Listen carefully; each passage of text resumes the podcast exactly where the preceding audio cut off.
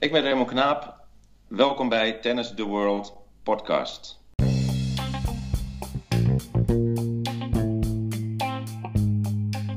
Welkom bij de Tennis the World podcast. Als jij een fanatieke tennisser bent en graag beter wil worden, dan is dit de podcast voor jou. Samen met inspirerende gasten gaan we mooie gesprekken hebben, inspirerende verhalen horen en informatie geven, waardoor jij meer progressie kan boeken. Oké, welkom jongens. Welkom bij weer een nieuwe podcast. En vandaag heb ik de podcast met Raymond Knaap, uh, momenteel coach van Robin Hazen. Um, Raymond, super leuk dat je hier de tijd voor kan nemen en dat ik je kan interviewen. Dus uh, welkom bij de podcast.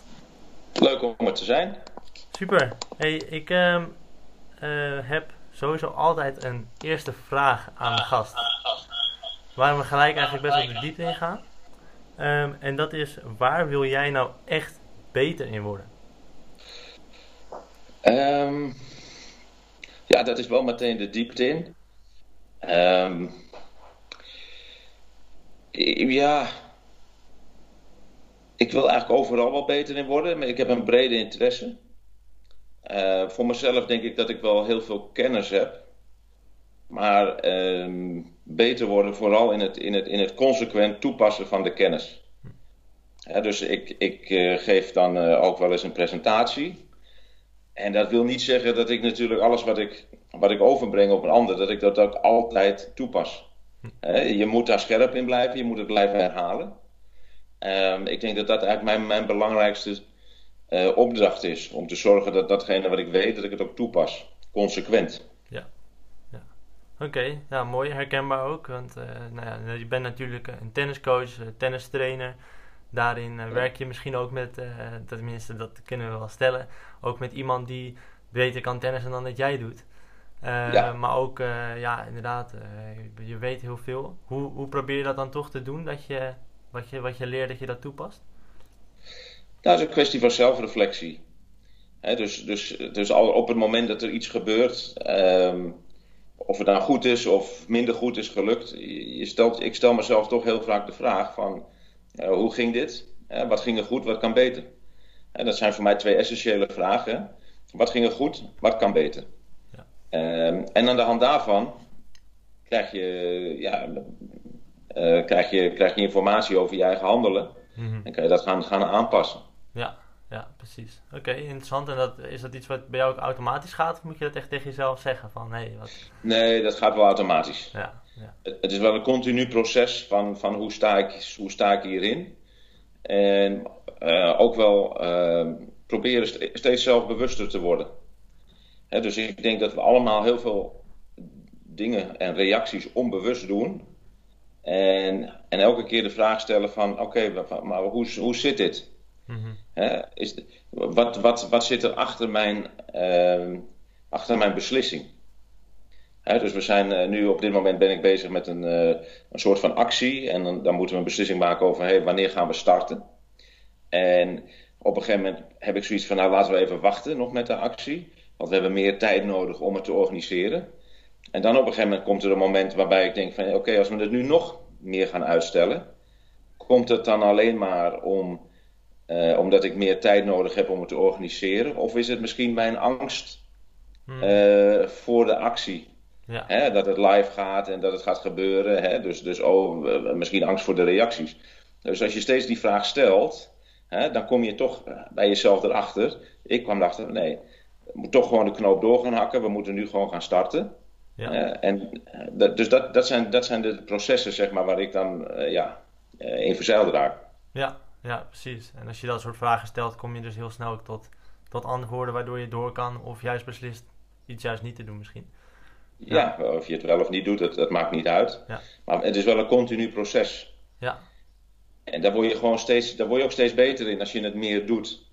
Je wordt steeds wat zelfbewuster en, en, en je gaat steeds iets meer doorkrijgen hoe de, hoe de hazen lopen, zeg maar. En, en dus uh, denk je minder in een vast tramien. Je denkt wat meer open-minded. Hey, dit zou het ook kunnen zijn of dat zou het ook kunnen zijn. Ja. En dan, je wordt ook steeds minder uh, ja, angstig, bij wijze van spreken, voor een mogelijk antwoord. ja, dat ik misschien die actie wilde uitstellen vanwege mijn eigen angst, ja, daar, daar loop ik niet voor weg. Nee. Als je daar wel voor wegloopt, ja, dan groei je als het ware ook niet. Nee, precies. Oké, ja, dat is wel een mooie. Ja, ja goeie om, uh, denk ik, sowieso voor iedereen uh, vaak te doen. Ik denk Ja. dat ik voor mezelf, als ik dit hoor, denk ik, ja, eigenlijk, ik doe dat wel eens. Maar niet, eh, niet heel erg vaak. En dat is wel een goede. Nee. Maar goed, als je hem bijvoorbeeld naar de tennisbaan wil, wil ervaren, dus een eh, voorbeeld die ik dan veel zou geven is, hè, wat je bijvoorbeeld ziet is als het, als het spannend wordt. Hè, dus dan zie je bijvoorbeeld dat, dat spelers eh, bang zijn om een rally te spelen. Dus gaan ze enorm geforceerd hun eerste service heel hard doorslaan. In de hoop dat ze een E slaan of dat ze een gratis punt krijgen. Dat ze vol voor die eerste service gaan is heel vaak ingegeven door de angst dat ze geen rally durven spelen. Nou ja, en als je van dat soort processen bewust wordt, ga je doorgroeien. Dan kun je zeggen, ja, misschien mijn eerste service toch eh, iets beter doseren, want in de rally ben ik eigenlijk beter. Ja. En, en, en dat soort processen zijn interessant voor je, voor je persoonlijke groei. Ja, ja, maar misschien ook als je eh, op dit voorbeeld eh, merkt dat je dus heel vaak gewoon wil scoren met een, met een service, omdat je van, denkt dat je baseline spel niet zo goed is, kan je ook weer denken van misschien moet ik die juist dan gaan trainen. Ja, Toch? Ja, Oké. Ja. En eh, ja, wat ik mij dan afvraag is eh, sowieso bij, eh, ook bij, bij topspelers, maar dus ook bij topcoaches, van waar, waar haal jij je informatie vandaan? Want het lijkt voor mij alsof jij dan eigenlijk bij de top zit, waarvan wij het allemaal misschien moeten leren. En Ja. waar, waar haal jij het vandaan? Nou, ik heb sowieso natuurlijk zit ik in een klimaat met zeg maar allemaal andere coaches die hetzelfde werk doen, die, die ook eh, topspelers begeleiden. Dus daar klets ik veel mee. En verder is er genoeg aanbod. Dat is gewoon, eh, ik heb een aantal mooie cursussen gedaan. Ik heb een action type opleiding gedaan. Ik heb een life coach opleiding gedaan. Ehm, en, en als je daar dan in, in verzeild raakt in bepaalde methodieken, dan valt daar zoveel over te lezen. Ja. En ik vraag gewoon aan de, aan de mensen met wie ik wel eens spar. Ik heb een aantal mensen met wie ik contact heb. Die zitten buiten tennis. Ehm, die zitten wel in, in, in opvoeding, in opleiding, in coaching. Ja. Oh, eh, heb je nog een mooi boek? Weet je nog iets? En dan krijg ik af en toe hele waardevolle tips. Dus om, Ja. om aan kennis te komen, eh, eh, vakbladen, hier ligt NL Coach bijvoorbeeld, dat is echt niet zo lastig. Nee, precies. Daar is eigenlijk genoeg aan. Is meer dan genoeg aan. Ja, ja, Het is wel zo dat je natuurlijk steeds, steeds meer dingen tegenkomt wat je misschien al weet. Of dat, dat heb je al eens gelezen met een ander sausje eroverheen. Dus je moet wel, het is wel zo dat het natuurlijk, naarmate je verder gevorderd raakt, moet je meer doen voor een klein stukje extra. Ja. Als, je, als, jou, eh, als jij nog helemaal onbeschreven bent, is alles wat je, ja, alles wat je onder ogen krijgt, gaat je helpen. En dat, dat, dat is, het is steeds meer wel een zoektocht en meer energie om kleine stukjes toe te voegen. ja, ja. Oké, ja. En die kleine stukjes steeds, die maak je natuurlijk wel eh, heel erg competent, zeg maar. Dus, eh, Ja, niet, niet, ja en dat is, dat is, het is tweeledig. Eh, iets toevoegen is heel mooi, maar ook bevestiging krijgen van, van wat je al denkt te weten. Hm. En dat is ook enorm belangrijk. Hè? Dat is een, eh, veel topsporters die worden ook niet of nauwelijks meer beter. Maar op niveau blijven, ja, dat is ook al een kunst. Ja. En, en met overtuiging je dingen blijven brengen is ook belangrijk. Ja, ja. Oké, interessant. Mooi. Ehm, ja, en ik hoorde net eh, Action Type, ehm, een lifestyle eh, eh, opleiding. Ik ben daar Ja. heel benieuwd naar. Gaan we zo ook even op door.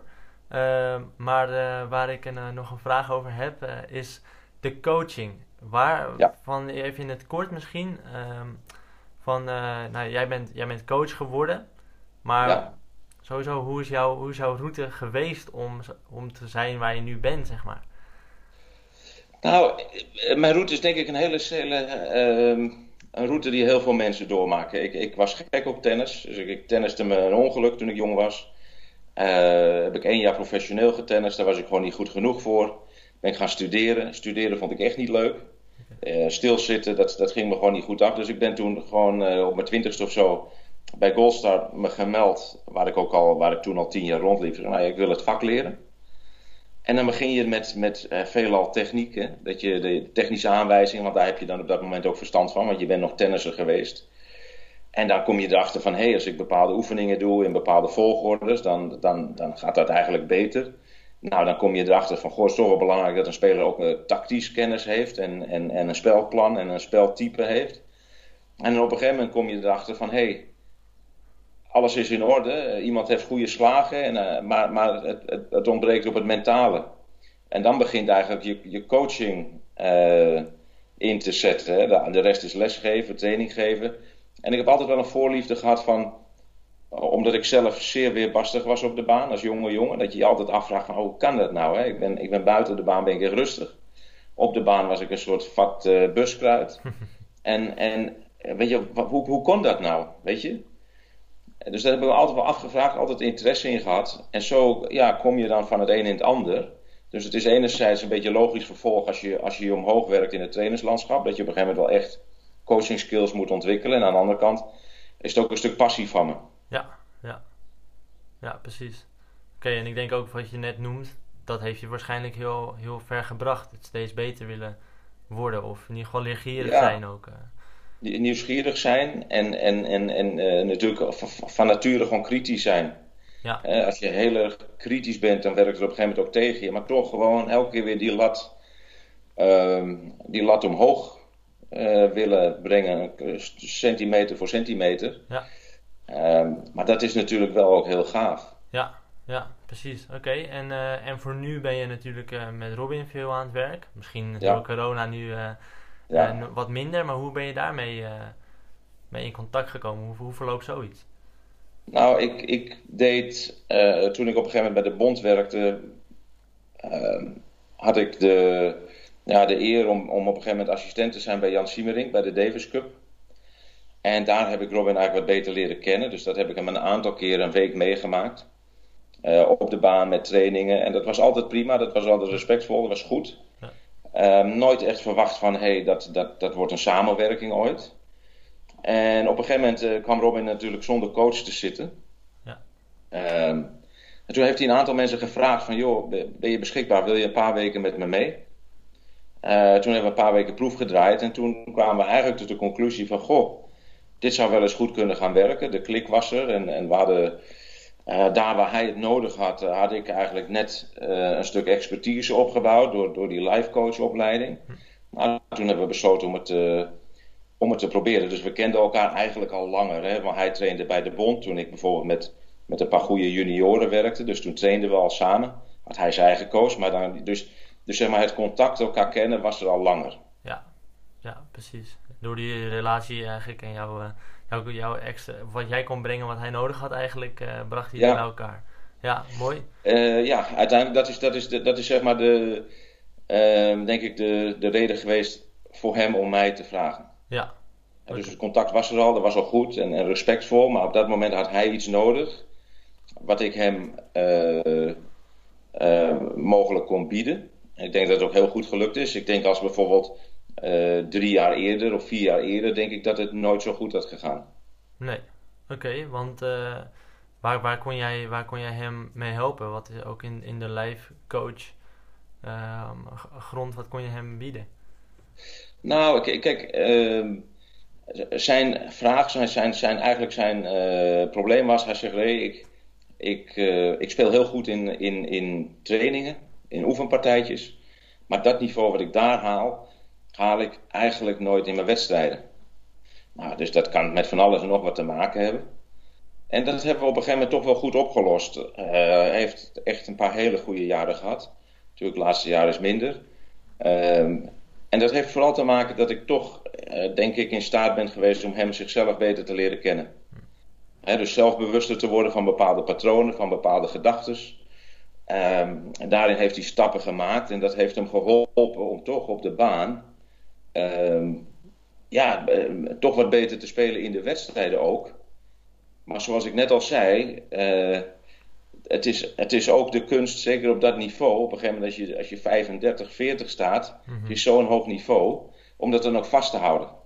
Ja. En dat, dat is de, dus, dus, dus ook al is dat een paar jaar goed gegaan, je ziet nog steeds hoeveel moeite dat kost om dat dan toch vol te houden.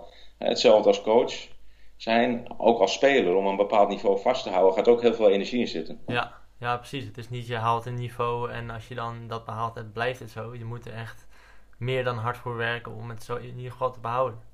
Ja, ja, ja absoluut. Je, je moet het onderhouden en daar gaat best wel wat tijd in zitten.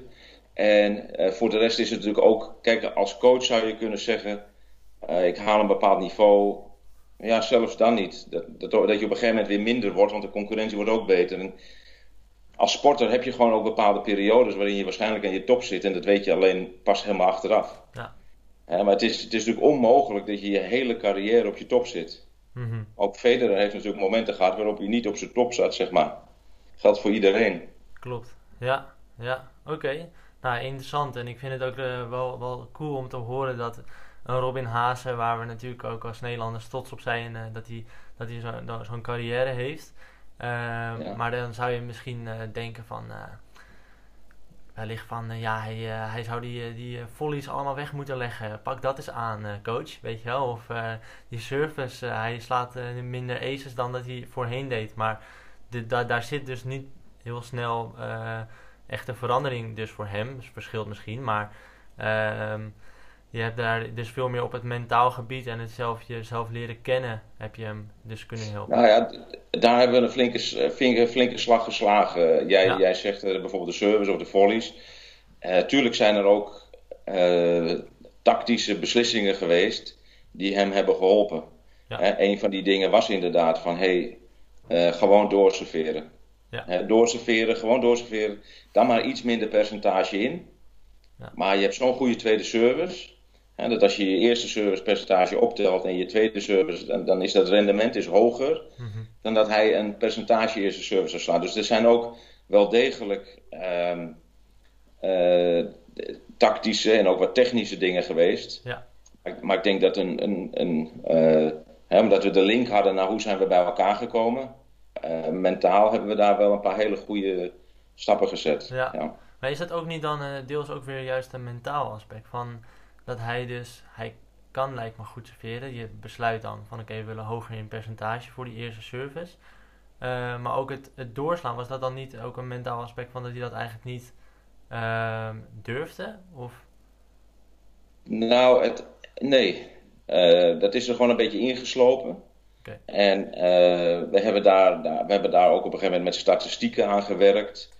En en er, is, er is, zoals ik het dan zie, in zijn, in zijn spel, zeg maar, in zijn, in zijn persoonlijkheid, wie hij op de baan is, is hij, vond ik dat hij te veel een percentagetennisser was geworden. Te veel gericht op geen fouten maken en uh, heel degelijk spelen, zeg maar, heel professioneel spelen. Terwijl ik denk dat hij in zijn hart ook een entertainer is. En ik denk dat hij, dat hij op zijn best is als hij, als hij ook een beetje nou uh, een beetje moed toont. Uh, ik wil niet zeggen per se bluff. Maar als je zijn beste wedstrijden ziet, dan durft hij voor, voor slagen te gaan. Dan durft hij een dropshot te spelen. Dan speelt hij service volley. Dan loopt hij naar het net. Ja. En op het moment dat hij dat laat zien, dan is hij, uh, ja, dan is hij gewoon ook zijn best. En dat kan je natuurlijk helemaal op tactiek benaderen. Je kan zeggen, joh Robin, als jij zo en zo en zo speelt, ja, dan ben jij gewoon helemaal, ben je helemaal top. Maar je kan dat natuurlijk ook uh, benaderen vanuit een, vanuit een mentale, persoonlijke kant. Te zeggen van, hé, hey, wat ik zie op de baan, is dat ik zie dat jij, uh, je, je speelt angstig, uh, je hebt weinig lef, je speelt heel professioneel, je werkt hard, maar volgens mij ben jij veel meer jezelf en kom jij veel meer tot uiting als je een beetje, toch een beetje probeert show te maken. Mm -hmm. Als je een beetje risico neemt, als je een beetje bluft op die baan, als je, hè, dat, ja, dat, dat, dat, je zegt eigenlijk twee exact dezelfde dingen. Alleen het ene benader je vanuit wie ben jij. En het andere benader je vanuit puur de tactiek. En, en, op een gegeven moment kwamen wij er ook achter dat, dat die dingen heel goed in elkaar grepen. Ja, precies. En, dan, en dan, dan versterkt het helemaal. En dan weet je helemaal welke kant je op wil. Ja, precies. Want dat was ook wel mijn vraag uh, daarna. Van, uh, versterkt dat dan? Als je inderdaad, als jij als coach hem daar inderdaad goed mee kan helpen. En je merkt, of Robin merkt dat dat klopt wat jij zegt en dat het uh, meer bij hem past. Ja, ja dat, dat geeft alleen nog maar meer energie waarschijnlijk en vertrouwen in je spel. Ja, ik denk dat het elkaar versterkt. Uh, soms, het kan natuurlijk ook zo zijn dat een speler een bepaald karakter heeft, uh, maar dat hij toch een ander type spel zou moeten uh, spelen. Hè? Dus ik heb wel eens gehoord over Jan Siemering, die had een uiterst uh, aanvallende speelstijl. Terwijl hij qua, qua karakter, uh, wel eens gehoord van zijn toenmalige coach, eigenlijk wat meer defensief en behoudend was. Ah, ja. ja. dan moet je als coach, weet je, als, als Jan niet het aanvallende spel had gespeeld, had hij nooit de carrière gehad die hij nu heeft. Dus dan is het wel een weer wat ander proces. Ja. Maar als het in elkaar grijpt, is het natuurlijk helemaal mooi.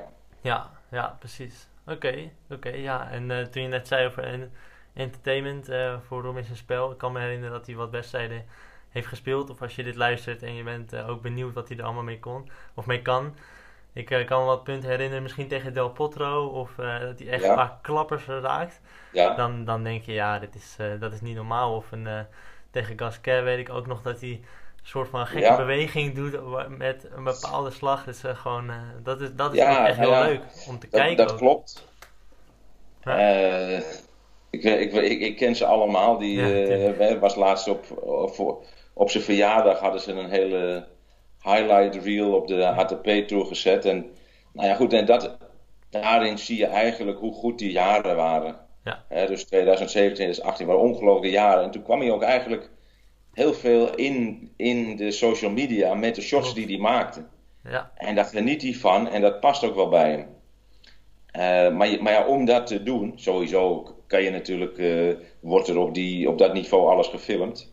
Ehm, maar ja, je- dat, dat, dat is wel het topje van de ijsberg. Hè. Je moet goed staan te spelen, je moet vertrouwen hebben en dan komen dat soort shots af en toe. Ja. Eh, maar dat waren, dat waren echt, eh, ja, ik vind wel typerend zeg maar voor hoe goed het ging. Dat hij daar echt eh uiterst uit zichzelf heeft gehaald. ja, ja. Oké, en, ehm, en hoe is dan nu het, de, de, of de, hoe gaat het contact nu in verband met corona? Oh, wij, wij, we, zijn, we hebben toevallig gisteren getraind. We trainen nog niet zoveel, maar we hebben eigenlijk dagelijks contact. Ja. Ehm, maar niet zo heel veel over tennis. Oké, Weet je, we hebben nog zoveel tijd totdat de wedstrijden weer gaan beginnen. Ehm, hij, hij, kan tennissen. Eh, hij is ehm, hij, hij van nature een, een, een lichaam wat, wat altijd behoorlijk in conditie is. Eh, altijd goed gewerkt. Dus, dus op het moment dat we echt weten van nou dan gaat het los, dan, dan moeten we de, de teugels echt gaan aantrekken.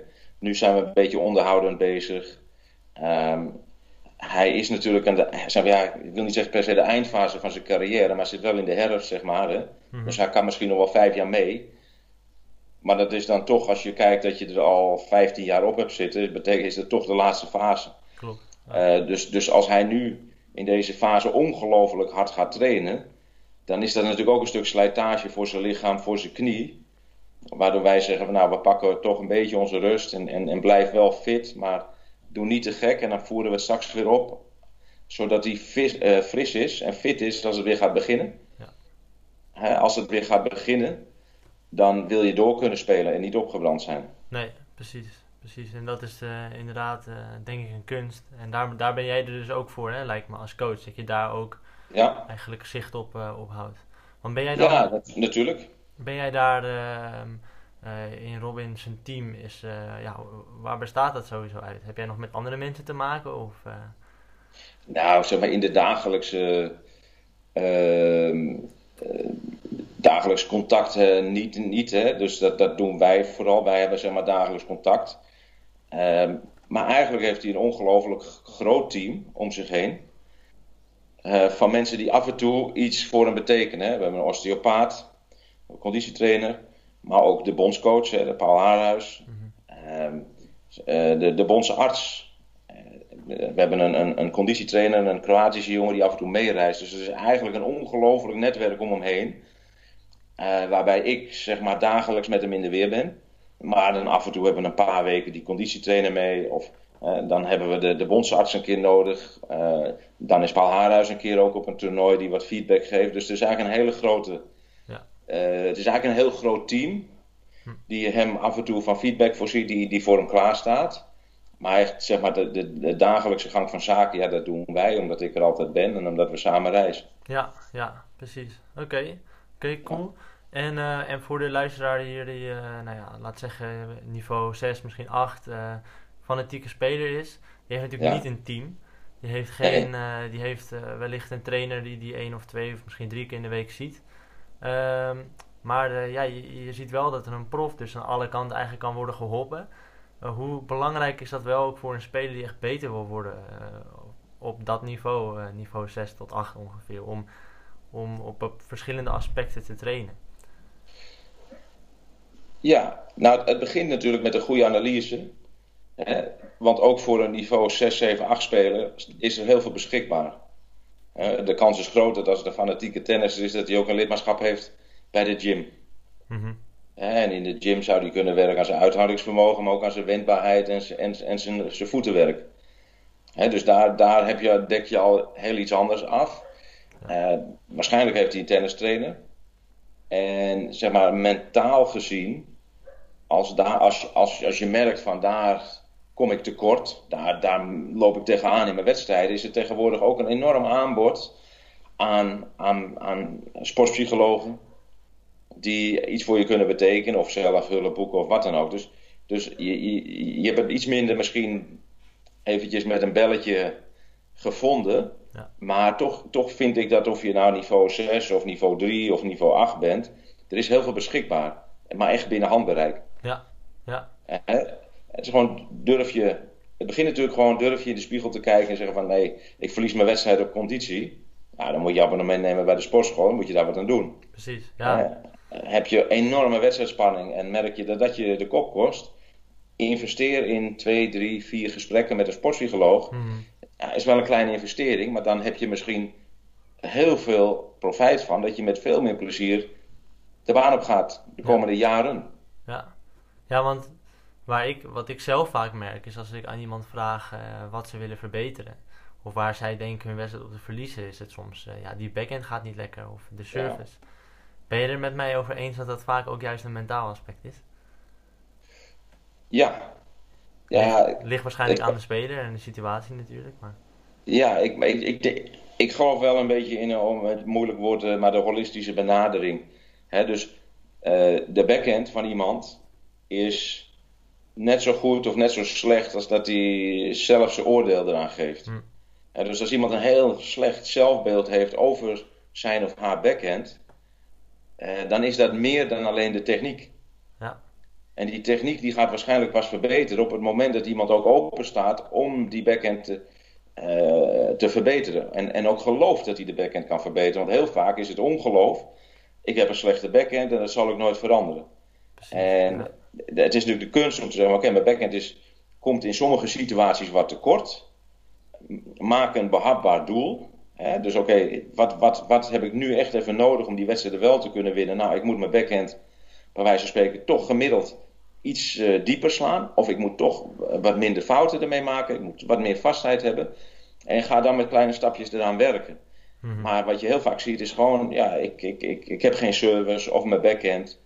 En dan is, het dus, dan is het natuurlijk ook wel een technisch probleem, maar het is ook een mentaal probleem. Ja, ja, precies. Dus het is belangrijk eigenlijk jezelf die vragen te stellen, te analyseren, misschien met je trainer, dat je daar ook mee. eh, Ja, ja en, en het is, eh, wat, wat tegenwoordig heel populair is, is, dat, is de, de growth mindset, hè, de groeimindset. Ja. En, en je ziet dat op de baan dat heel veel mensen hebben wat ze dan noemen een fixed mindset, een statische mindset.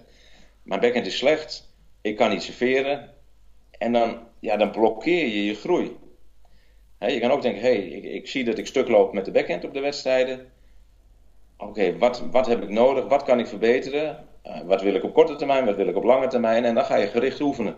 Mhm. Maar eh, op het moment dat je, ja, wat, wat zegt Einstein geloof ik, hè, als je zegt dat je iets niet kan, dan heb je gelijk. Klopt. Ja. Als je zegt dat je iets niet kan, heb je ook gelijk.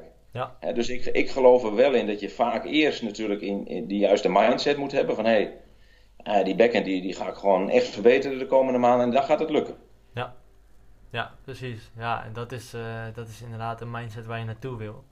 En eh, ik denk ook, want waar ik ook een beetje naar op zoek ben, is voor mezelf ook. Hè. Ik ben ook iemand die best wel rustig is.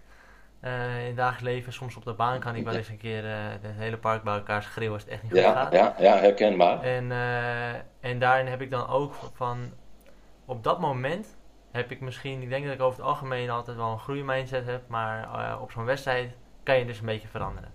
Dat je denkt van, jee, maar gaat helemaal niet. Wat kunnen mensen daar nou echt mee, mee doen? Zijn daar echt praktische tips voor te geven voor ook op- op wedstrijd, in, tijdens wedstrijden zelf? Als je, als je zeg maar helemaal de regie kwijt hebt. Ja, eh, sorry, je je viel een beetje weg, eh, Raymond. Ja, jij viel ook even Ja. weg. Ja. Je, je vraag was eigenlijk eh, op het moment dat je op de baan je staat in die wedstrijd en niks lukt. Ja, klopt. Wat, wat kan je dan doen? Ja, het is natuurlijk buitengewoon, buitengewoon frustrerend. Ehm, ik denk dat, je, dat het heel belangrijk is dat je terug gaat naar de basis. dus uh, de makkelijkere ballen slaan, sla wat meer cross, sla wat hoger. Ehm, dus, de, dus de ballen met wat minder, zodat je wat losser wordt. Minder risico's nemen, want het is je dag niet. Dus, dus ga voor wat veiligere ballen en probeer je in de wedstrijd te werken. Mentaal gezien ehm, is het de kunst om, om. Ja, dat is een beetje een ingewikkeld verhaal. Maar in je, in je linker hersenhelft zit, zit, je, zit je ratio. En in je rechterhelft zit veel meer je waarneming en je gevoel. En wat je veel ziet gebeuren op het moment dat het niet gaat, is dat een speler uh, heel veel gaat nadenken. Hoe kan dit nou? Vorige week speelde ik lekker, nu niet. Deze jongen is helemaal niet zo goed. Hoe, kan ik achterstaan? Dus, dus dat, dat ratio gedeelte is als een gek aan het, aan het draaien ja. hè, en aan het oordelen. En, en dat gaat ten koste van je, uh, van je waarneming. Je ziet de bal niet meer zo helder. Um, je lichaam wordt zeg maar toch uh, minder uh, gecoördineerd. En als je daar bent beland, dan is het heel nuttig op het moment om gewoon even afstand te nemen. Even te focussen op je, op je ademhaling bijvoorbeeld. Dat je even voelt uh, dat, je, dat je longen vollopen, dat je buik wat uitzet. Uh, dat je dat voelt. Op dat moment denk je dus ook niet meer na. Je bent alleen nog maar aan het waarnemen. Je voelt je buik heen en weer gaan. Je voelt je longen vollopen. Dus je bent weer aan het voelen en aan het waarnemen. En dan ben je even weg uit al die negatieve gedachten. Want ja, gedachten, die vormen natuurlijk een heel groot probleem op de baan. En als ik dat heel herkenbaar voor mensen kan uitleggen, is natuurlijk wat er gebeurt op het moment iemand staat fantastisch te spelen, staat voor, die gaat bijna die wedstrijd winnen. En dat hebben we allemaal wel meegemaakt, dat we bijvoorbeeld 6, 4, 5, 2 voor staan, en toch gaat het fout. Mm -hmm. Omdat op die stand natuurlijk ook die, die linker hersenhelft wel eens on, onwijs wordt geactiveerd van hé, hey, nog één game en dan win ik de wedstrijd. Als ik deze wedstrijd win, heb ik zoveel punten. Als ik deze wedstrijd win, sta ik in de finale. Wat gaaf, ik heb nog nooit van deze persoon gewonnen. Wat zullen mijn ouders wel niet denken als ik deze wedstrijd win? Met andere woorden, dat goede gevoel wat je had en die scherpe waarneming, die, die, die verdwijnt omdat je dus met zoveel gedachten komt te zitten. Ja. En dan zie je soms het niveau enorm afnemen bij, bij spelers. Ja. En het omgekeerde is wel lastiger, uh, maar het is natuurlijk wel te doen. Maar dat is, dat is even in het kort het proces waar veel van ons tegenaan lopen op de baan. Ja, precies. Nou, heel interessant inderdaad. Dus je gaat echt, uh, ja, zodra je zo'n vraag gaat stellen en uh, ja, je eigenlijk druk gaat maken zodra het of juist heel goed gaat en denkt van, hé, hey, straks gaat het, uh, ga ik winnen, dan ga je dus denken. Ja, en je wilt eigenlijk dus, als ik het goed begreep, ervoor zorgen dat je, ja, misschien je geest kan je het zo noemen, dat die eigenlijk gewoon stil is. Die bemoeit ja, zich stil. misschien niet heel erg mee, maar je verlegt je aandacht naar ademhaling ja, dat, als je echt helemaal weg bent, dan is dat goed hè, om, om, om te focussen op ademhaling. Hou het, hou het spel simpel. Ga niet overdenken. Uh, hè, dus, uh, dus, dus simpele opdrachten geven. Mhm. Kijk, en, en, het is natuurlijk wel zo dat je op de baan een stukje. Je moet natuurlijk wel een stukje nadenken. Ja. Maar eigenlijk dat stukje nadenken is ook waarnemen. Hè? Wat zie ik gebeuren op de baan? Hoe win ik mijn punten? Hoe verlies ik mijn punten? Ja. En aan de hand daarvan maak ik mijn plan en mijn keuzes om verder te spelen. Dat is natuurlijk wel een hele andere manier dan dat je bijna een soort van existentiële vragen gaat stellen van hoe, hoe is dit mogelijk? Hoe kan dit? Ja. Waarom vandaag? Juist nu? Mm-hmm. Ja, als je daarover gaat nadenken, dat zijn ook niet de antwoorden, die liggen ook niet voor de hand. Ja, dan ben je gewoon, ja, dan, heb je, dan ben je gewoon niet, dan ben je gewoon niet in het moment. Dan ben je niet present. Nee. En dan is het heel moeilijk om je beste tennis te spelen. En er zijn ook geen dingen waar je invloed op hebt. Ook uh, eigenlijk al die vragen van waarom speelde ik hem net goed en nu niet. En waarom lukt het ineens niet meer? Ik stond net nog voor. En ja. Uh, dat soort dingen. Ja, je kan er niets mee. Wat, nee, het helpt, al, al, al, al weet je het wel, het helpt je niet. Nee. Op dat moment. Nee. Wat voor mij uh, wel goed hielp, was een keer een tip die ik kreeg, was echt alleen maar gefocust zijn op de bal. Ja. Um, en steeds kijken naar ook waar de bal stuitert. En als het dan niet goed gaat, dat je daar gewoon de hele tijd mee bezig bent. En ja. En maar wat nou als je dus, uh, als ik dat, bijvoorbeeld ik doe dat. Uh, maar ja, het is een spannende wedstrijd. Uh, het staat in de tijdbreek misschien 3-3 in, in de derde set. Ja. En ik maak weer een fout die er misschien al vaak gebeurd is. Dus ik word toch even, even geïrriteerd. Want misschien ben je heel bewust van deze tips. Maar je maakt toch een fout die heel belangrijk was. Hoe, hoe kan je zoiets qua ja, het oordelen misschien over jezelf, hoe kan je daar wat mee doen? Ja, dat is training. Kijk, in de individuele sport, en zeker bij tennissers, zeker bij goede tennissers, die zijn vaak goed geworden omdat ze ook heftig oordelen. Robin is ook iemand die heel kritisch is naar zichzelf. Uh, en daar komen natuurlijk ook soms de frustraties vandaan op de baan. Hè, de, de, heftige oordelen, wat ik net, dat proces wat ik net begrijp, dat, dat heeft hij ook niet altijd helemaal onder controle. Uh, jij zegt inderdaad, van het gaat over oordelen. En ja, dat is training. Jij maakt een fout op 3-3. En jij vertelt het ook, je maakt weer die fout. Dus jij presenteert het aan jezelf van ik maak weer die fout. Ja. Als jij het misschien aan jezelf presenteert van goh, uh, jammer. Jammer dat ik die bal fout sla, word je al minder getriggerd. Maar als je weer die fout maakt, ja. zit er al een enorme lading aan vast. Klopt. Dat, dat is gewoon jarenlang ook oefenen.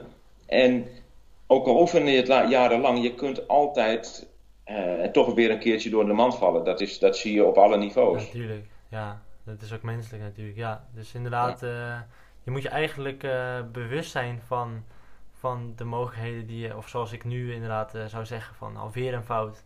Dat jij eigenlijk als coach, of wie dat dan ook van jou kan zijn, zegt van, nou ja, je zou het ook zo kunnen zien. Zie je het als, jammer, maar volgend punt. Dat ja, is denk dat, ik wel heel dat. Is de, en als je dat merkt bij jezelf, van, ah, oké, eh, ik ben eigenlijk wel een beetje pissig op mezelf. Uh, uh, probeer daarop te letten. Ik denk dat dat inderdaad ook wel heel erg veel kan helpen voor in ieder geval elke speler die, die daarin beter wil worden. Het, ja, het is een soort conditionering. Hè? Dus, dus, dus om, om, om steeds maar weer een, een positieve, goede mindset voor het volgende punt te behouden, is echt trainen. Is, is, is ook niet makkelijk. Hè? Want, want soms heb je te maken met dat jij niet zo goed speelt, of geluk van je tegenstander een paar balletjes achter elkaar, of dat je zelf de ballen net niet maakt, of dat er gewoon heel veel spanning bij komt. Hè? Hmm. de eerste ronde van een toernooi is toch ook weer wat anders dan een halve finale of de kampioenswedstrijd in de competitie. Dat zijn allemaal dingen die, die erbij optellen. Ja. Ehm, ja. Dus dat is, dit is een lastig, uh, lastig proces. Een van de mooiste dingen uh, om te relativeren Um, ooit was een coach horen zeggen, ja, in het verleden gebeurt niks. Hmm. dus je, je, het verleden is wat het is. En je verandert er toch niks meer aan. Nee. Nee, precies. Dat is ook weer de, de, invloed dat je er gewoon niet op hebt. Dus precies, en dan is het een kwestie van accepteren. Ja, ja. Dus uh, ik denk veel om uh, ook het loslaten in uh, als iets niet goed gaat. En ook als het goed gaat, eigenlijk proberen door te gaan zoals je ging. En dan voor jezelf herkennen van hoe, wat deed ik dan? Ja, waarschijnlijk gedachteloos ja. spelen misschien. Het is gewoon mens eigen om, uh, veel mensen in ieder geval, om echt te oordelen. Ja. En om, om gewoon een gebeurtenis, en dat is ook in onze maatschappij. Hè? Je kijkt op tv en er zijn allemaal praatprogramma's en allemaal, het zijn allemaal uh, oordeelprogramma's eigenlijk. Ja. Hè? En, en gewoon iets observeren, zoals het is, zonder een oordeel te geven, dat is best lastig. Ja, zeker. dus, dus ik zie jou een wedstrijd spelen. En uh, ik kan zeggen, nou, wat ik gezien heb, dat jouw backhand, die ballen, die kwamen veel kort in het veld. Ik beschrijf gewoon wat ik zie. Mm Jij komt van de baan af en je zegt, mijn backhand ging slecht. Kreeg ze niet diep. Ja. Dat is een hele andere weergave van de feiten. Ja. Ja, wat ik wel een hele goede daarin vond was, uh, ik, had hem, ik heb hem ook hier naast me, het innerlijke spel uh, door tennis. Dat ken je uh, ongetwijfeld. Ja, ja, ja, mooi. En daarin um, ja, gaf hij eigenlijk aan van, je hebt natuurlijk nou ja, bijvoorbeeld Robin Hazen en, en Federer. En ehm, Robin die slaat een bal, bal uit. En Robin die zou kunnen denken van, wat een verschrikkelijke bal. Federer denkt, wat een mooie bal. Maar de scheidsrechter die ziet het als, oké, de bal ging uit. Die is eigenlijk oordeelloos, die, die schrijft gewoon de feiten op. Dat vond ik ook wel een hele mooie. Uh, en ik merk ook keer als ik, als ik dit dus lees, dat ik gewoon lekkerder kan spelen. Uh, ja. ja, ik vind dat ook een heel mooi voorbeeld om, uh, om daarmee bezig te zijn en eigenlijk minder te oordelen over jezelf. En gewoon eh, te blijven spelen. Ja. Innerlijk Tennis is een geweldig boek. Ehm, wat, wat eigenlijk niet, niet de populariteit krijgt die het verdient. Ehm, om, omdat het stimuleert dus inderdaad gewoon uh, om, om oordeelloos te zijn en om heel goed waar te nemen. Uh, dus al die oefeningen van stuit, slag. Ja. Uh, het, het, het, reduceert alleen als het ware een beetje de, de rol van de trainer. Klopt. Ja. dus het is niet zo dat de trainer geeft die geweldige tip. En daardoor ben jij als het ware je geld waard als trainer. Hè, maar de, de, de speler vindt zelf een lekkere flow waarmee hij de ballen slaat. En dan is het als trainer als het ware alsof je niks hebt gedaan. Terwijl je als trainer natuurlijk wel degelijk de situatie hebt gecreëerd. Uh, en dat is de reden waarom dat boek volgens mij niet, nog niet, hè, want het wordt gewoon natuurlijk in de opleiding krijg je het mee. Ja. Um, maar waardoor het toch soms een beetje opzij wordt geschoven, terwijl het zo'n goed boek is. Ja, precies. Want de, de trainers zijn natuurlijk ook best wel de promotors voor veel mensen. De, die eigenlijk het boek zouden kunnen aanraden. Uh, want ook voor de, voor de trainers die, die luisteren is het... Ja, ik, merk zelf soms dat ik me bewust ben van dit boek. Uh, ik het ook toepas. En vervolgens mensen merken, vooral als ik een invalles geef dat er minder tips worden gegeven. En die, soms vraagt iemand letterlijk: heb je nog een tip voor me? Maar dan denk ik: nee, het is, is nu niet nodig. Wat zou je daar als trainer mee kunnen doen? Ik ben daar heel benieuwd naar. Ja, het is lastig. Want, want we hebben natuurlijk de neiging als trainers om onszelf waar te maken. om, om zeg maar goed te zijn voor je geld. En, en in dit boek leer je om mensen echt enorm zelf te laten ontdekken.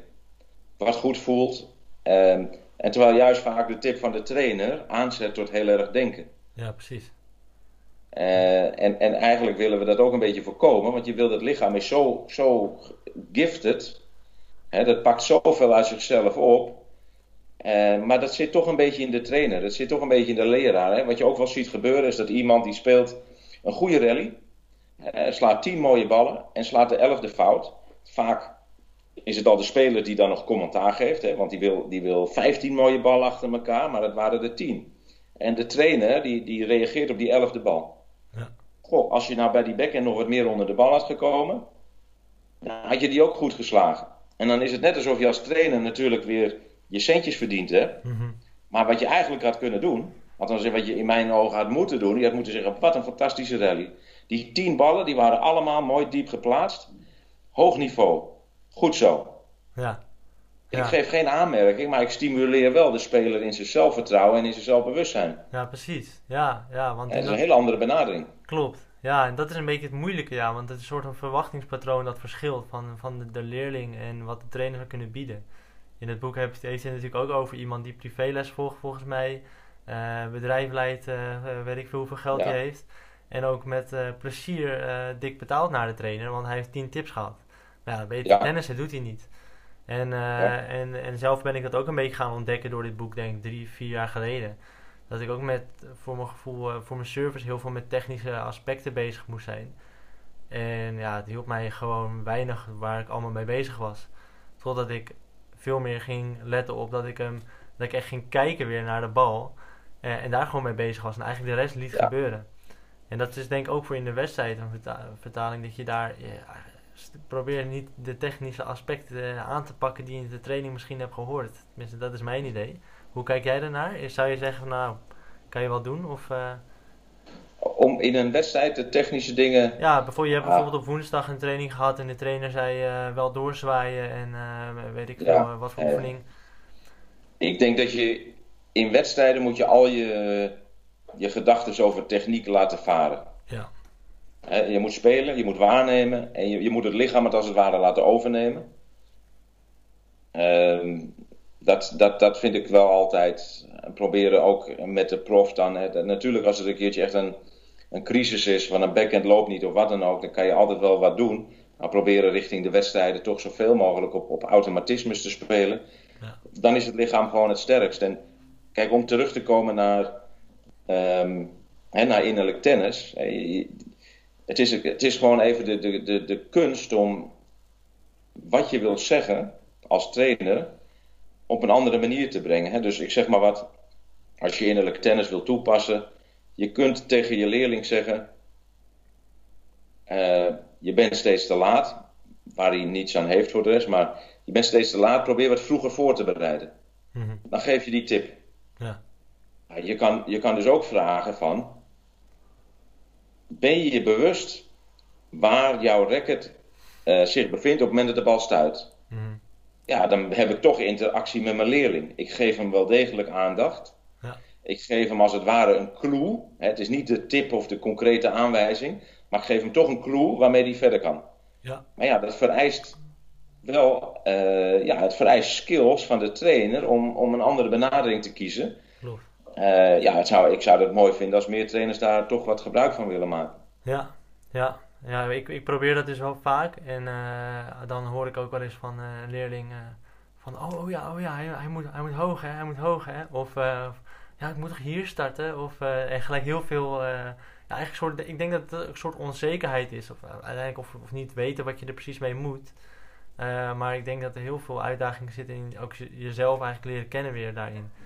Van, eh, en Ja, voelen ik- wat je, wat je ik- doet in je spel. Ik geloof enorm in het, in het lerend vermogen van, van een, van een eh, lichaam. Ja. Eh, ik, heb, ik heb het nog nooit gedaan, maar ik, ik, ik zeg ook wel eens van nou, als je bijvoorbeeld een redelijke speler hebt, of, soms hebben meisjes een enorme crisis als het gaat om een service. Ja, dan kan je, dan kan je als trainer gaan oefenen en, en dan kan je allerlei tips gaan geven. Terwijl ik soms denk van weet je wat het meisje het beste kan doen? Dus die kan het beste een, een bak met ballen nemen, helemaal apart gaan staan en gewoon serveren zonder continu die, die feedback en die oordelen, gewoon dat lichaam weer helemaal gaan voelen. Ja. Eh, en dan denk ik dat het vaak genoeg wel weer in orde komt. Mhm. Ja, ja, precies. Dan leer je het jezelf aan op een natuurlijke manier. Ja, je, je gaat weer terug met je lichaam als het ware, of in je lichaam. Ja, ja tof. Heel, Ja. heel, heel vet. En eh, voor de mensen die benieuwd zijn waar we het nou precies over hebben. Het is het innerlijke spel door tennis. En dat is dan van Timothy Galway. Dus eh, Ja. die zouden jullie kunnen bestellen. Gewoon denk ik op bol.com vast, eh, vast te koop. Ehm, Ja. Maar eh, ja, ik heb nog een laatste vraag. Action Type. Ja. Bij mijn opleiding Sportmanagement en Ondernemen hebben we het daar ook over gehad. Onwijs interessant. Ik weet ook dat dit een onderwerp is waar je waarschijnlijk meer dan een uur over zou kunnen spreken. Of veel langer Ja, nog. klopt. Maar wat houdt dat in het kort, houdt het in, het kort in? Oh, in het kort, eh, ehm, wat Action Type eigenlijk doet, is die, die maakt een, connectie tussen eh, geestelijke eh, karaktereigenschappen en fysieke voorkeuren. Er wordt heel vaak verondersteld dat het, dat het lichaam, dat ons lichaam allemaal hetzelfde werkt. En wat Action eigenlijk eh, zegt is, we hebben niet allemaal dezelfde voorkeur als het gaat om motoriek. Net zoals we natuurlijk wel beseffen dat we niet allemaal dezelfde voorkeuren hebben, geestelijk zeg maar. Hè? Dus eh, eh, ja, sommige mensen zijn heel erg eh, behoudend, anderen zijn juist altijd op zoek naar spanning en avontuur. Ja, Hè, die verschillen erkennen we eigenlijk wel. Hè? In, in, ook in de trainerschap. Ja, we zeggen wel iedereen is anders. Mhm. Maar wat we nog niet erkennen op grote schaal is dat, dat, dat de motorische eigenschappen van mensen ook verschillen, de voorkeuren verschillen. Ehm, dus Robin en ik hebben een, een, een, een verschillende voorkeur als het gaat om bewegen en als het gaat om eh, slaan. Hè, de, de manier waarop wij op onze, onze arm gebruiken verschilt wel degelijk. Heel moeilijk te zien als we gewoon staan te slaan. Je moet weten waar je op moet letten. Hè. Wat Cruijff zei, je gaat het pas zien als je het door hebt geloof ik. Of je krijgt het, ik weet niet meer precies hoe het zat. maar eh, hè, dus als je Robin zijn lichaam neemt, die is, die is natuurlijk, we zijn ongeveer even lang, maar Robin is natuurlijk, eh, heeft, heeft, heeft langere, taaiere spieren, om het zo maar te zeggen. Die heeft weinig spieropbouw. Hij heeft wel veel spier in zijn rug, maar van voren minder. Bij mij is het andersom. En, en zo zie je dat lichaam ook verschillen. En je ziet ook dat spelers anders bewegen. Je kan toch niet zeggen dat Gilles Simon en Robin aan de ene kant eh, bijvoorbeeld hetzelfde bewegen als eh Terlon Griekspoor en eh Stan Wawrinka. Mhm. Die hebben echt een andere voorkeur van bewegen. Precies. En dat is waar ehm, Action Type eh, zich hard voor maakt. Hè, en, en dat is ook zo. Als ik, als ik Robin zou vragen om te bewegen als eh, bijvoorbeeld een, een, een Stan Wawrinka, die heel laag zit, hè, die is een soort, bijna een soort blok beton, beweegt heel anders dan Robin, die meer een soort springveer is. Ja, ja, En als je iemand dus laat bewegen ehm, eh, op een manier wat niet zijn voorkeur heeft, kan het wel, maar het rendement is gewoon minder. ja, precies. Ja, Ja, wat En dat heeft, dan, dat, heeft dan, ja, dat heeft dan gevolgen met van, van vind je het prettig om laag te zitten of wat meer, wat, wat hoger te staan. Eh, het, het heeft te- maken met, je, met, met de werking van je romp. Eh, Sommige mensen draaien hun schouders heel makkelijk ten opzichte van hun heupen. Maar sommige mensen die krijgen dat gewoon niet voor elkaar. En dat kan je ook zien als je bijvoorbeeld naar Federer kijkt.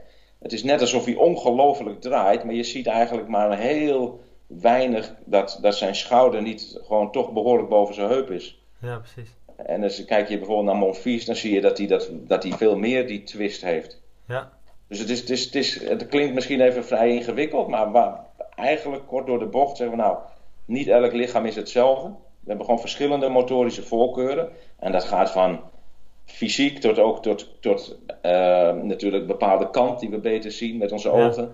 Ja, die heb ik op school, eh, weet ik nog goed, over voetballers die dan... ehm, je hebt natuurlijk een, eh, een rechtsbuiten bijvoorbeeld, eh, een, een, een Robben die misschien juist links zou die dan heel goed moeten zien.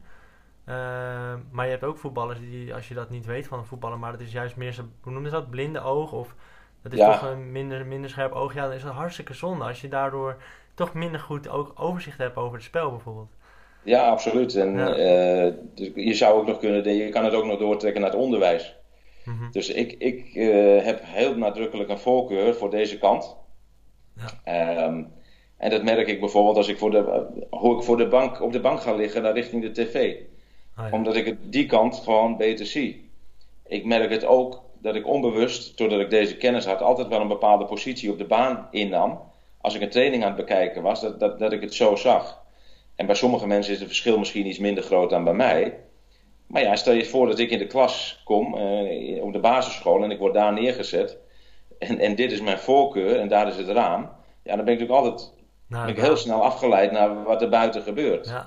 En, dat ik, en als ik, ga, ga ik aan de andere kant zitten, dan heb ik altijd oog voor het schoolbord. Ja, ja, precies. Ja, ik vind het wel heel vet, want het geeft ook weer aan, eh, net waar je mee begon eigenlijk, eh, jezelf vragen stellen, goed leren kennen. Hierin ga je Ja. eigenlijk echt nog wel een heel diep, een heel laagje dieper in hoe je Ja. jezelf leert kennen. En voor jou als coach kan je daar eigenlijk ook weer heel wat mee gaan doen, hoe je een speler benadert. Eh, Ja. En dus meer progressie gaat boeken. Heel vet. Ja. Cool. Oké, eh, ja, we kunnen denk ik eh, een tijdje doorpraten nog hierover, Ja. maar we gaan een beetje richting afronden. Ja. Ik heb wat tegenstellingen voor je, Oké, dus daar kan je proberen snel antwoord op te geven. Zijn niet super moeilijk, misschien twijfel je bij een paar. oké, Ehm, ik ben benieuwd. Maar de eerste is Federer of Nadal. Federer. Als je iemand anders moet kiezen, heb je nog een eh, echt een favoriet of is Federer je nummer 1? Ehm, ja, Federer is toch wel mijn nummer 1, maar ik vind, ik vind wel heel veel spelers heel erg goed hoor. Maar ik kijk het liefst wel naar Federer en Nadal is weer de grootste vechter. Ja. Terwijl ik Djokovic de beste tennisser vind uiteindelijk. Oké.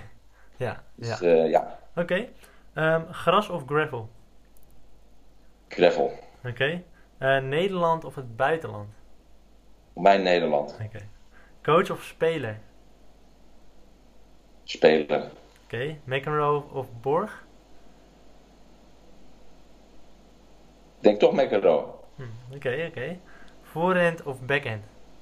Voor mij backhand. Oké. Dat is Eh, de makkelijkste. service of return?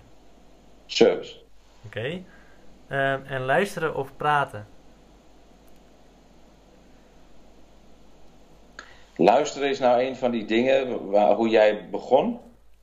Eh, dat, dat is nou een van de dingen waar, waar, waar een ongelofelijke kwaliteit van uitgaat. Eh, een skill die, die, die ik ook altijd moet eh, blijven ontwikkelen. Ja. Ja. Dus, is, dus misschien praat ik meer, maar luisteren is absoluut een, een, een gave. Ja, precies. Oké, ehm, en door Alex Reinders, de, de gast twee afleveringen hiervoor, die voegde nog toe service volley of eh baseline spel. Service volley. Oké. Mogen we best wat, ma- wat meer zien. Dat is, dat is gewoon jammer dat dat zo weinig gespeeld wordt. Ja. Het, zijn fantastische beelden.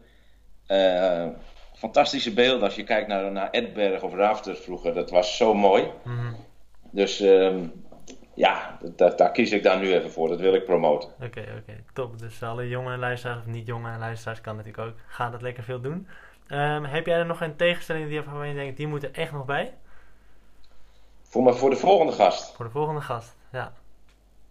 Dames tennis of heren tennis? Oké, goeie. Oké, top. Uh, nou, hartstikke leuk joh. Ik vond het heel leerzaam. Uh, ik denk dat het uh, ja, gewoon voor veel mensen, zeker praktisch gezien ook voor op de baan, ja, ga proberen dus inderdaad je aandacht te verleggen. Zodat, zo kan ik het noemen, hè, denk ik. Ja, dus ga op je ademhaling letten of zoals wat ik deed, kijk naar de bal of misschien ook meer je voeten werken, je voeten voelen. dus, dus dat is denk ik een hele goede en ga jezelf vragen stellen. Gewoon reflecteren, jezelf leren dat geldt Voor, dat geldt niet alleen voor tennis natuurlijk, dat geldt ook voor, voor, voor ja, dat kan je ook toepassen in je relatie, op je werk, uh, je, je, rol als vriend.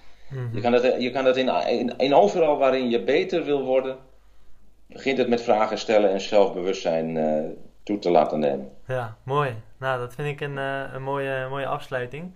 Is er nog iets wat jij ook nog kwijt wil aan de luisteraars? Um, nee, have fun. Geniet ervan. Het is zo'n mooi spel. Zo'n mooi spel. Wees jezelf op de baan en dan, uh, dan komt het goed. Top. Nou, luisteraars, jullie weten wat jullie te doen staan.